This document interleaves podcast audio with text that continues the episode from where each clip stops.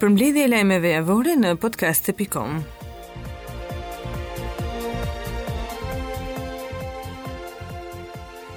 përfundojnë konkluzionet e të gjithë avokatëve që mbrojnë të pandehurit për inceneratorin e Elbasanit dhe disa kompanive, ndërkohë vendimi i gjykatës së posaçme do të shpallet më datë 5 tetor. Ish-ministri i Mjedisit Lefter Koka paraqiti një tjetër raport për gjendjen e tij shëndetësore në mënyrë që gjykata ta ketë parasysh para marrjes së vendimit.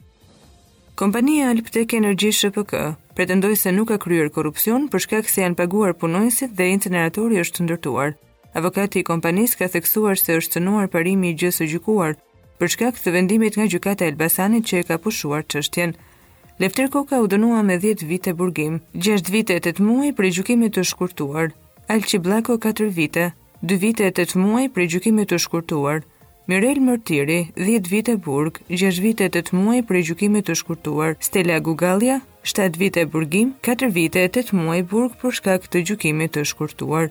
Klodian Zoto dhjetë vite, gjashtë vite e tetë muaj prej gjykimit të shkurtuar, Pëllumb Abeshi katër vite, dy vite e tetë muaj prej gjykimit të shkurtuar, Jonida Zeqjo katër vite, dy vite e tetë muaj për shkak të gjykimit të shkurtuar.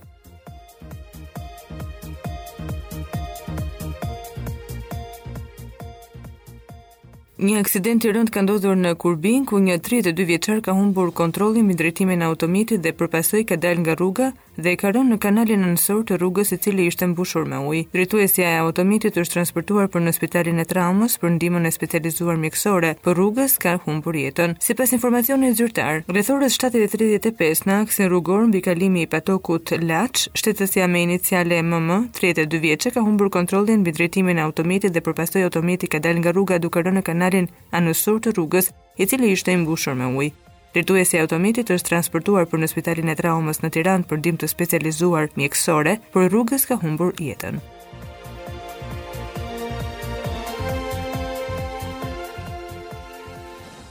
Kryeministri Edi Rama i ftuar në Berlin Global Dialogue në Gjermani, një forum i ri ndërkombëtar që bashkon liderët nga politika dhe biznesi për të gjetur zgjidhje të përbashkëta për një ekonomi globale në tranzicion. Kryeministri ishte pjesë e diskutimit me temë Roli gjeopolitik i Ballkanit Perëndimor, një bashkëbisedim i fokusuar në rolin që mund të luajë Ballkani Perëndimor në forcimin e të ardhmes gjeopolitike dhe ekonomike të Evropës. Kryeministri Rama ndodhej në tryezë së bashku me Katherina Reiche, një figurë e spikatur e politikës gjermane, aktualisht shefe ekzekutive e ofruesit më të madh rajonal të infrastrukturës dhe të energjisë.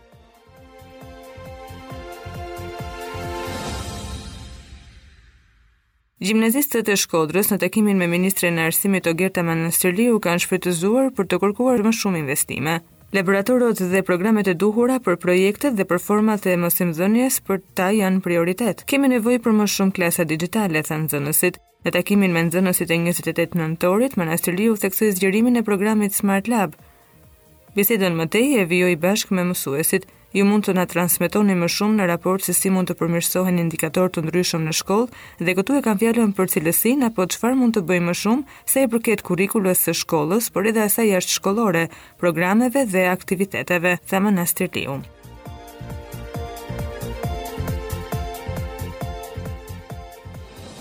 Ish kryeministri Sali Berisha nga foltorja e Kuvendit ka lëshuar akuza në drejtim të mazhorancës se po tenton që të futet në punët e brendshme të Partisë Demokratike.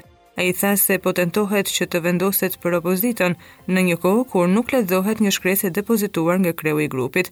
Në këtë seancë, deputetë të dalë nga krimi dhe droga përpiqen që të imponojnë për opozitën atë që duan ata, të zgjedhin dhe opozitën tuaj. Nuk ka seancë më të shumtuar dhe skenë më të shumtuar se kjo, Rregullat elementare i shkelmoni në akte të pastra armiqësore ndaj opozitës, por ajo përfaqëson shumicën e shqiptarëve sot. Ju jeni të aftë për çdo shkelje ligjore, u shpreh Berisha ndër të tjera. Shqipëria mori presidencën e radhës të rrjetit mesdhetar të enteve rregullatore, MNRA, ndërsa mirëpriti në Tiranë për herë të parë zhvillimin e asamblesë plenare të 22-të. Në panelet e ditës së dytë, Në asamblenë plenare folën një sërë diskutantësh për tema që shqetësojnë entet rregullatore si dhe për sfidat e mjedisit mediatik. Presidenti i ERGA-s, Giacomo Lasorella, u ndal në fjalën e tij tek ligji për lirinë e mediave në Europë, miratimi i të cilit do të ketë rëndësi shumë të madhe për zbatimin e parimeve të lirisë së medias, pluralizmin e tyre dhe pavarësinë.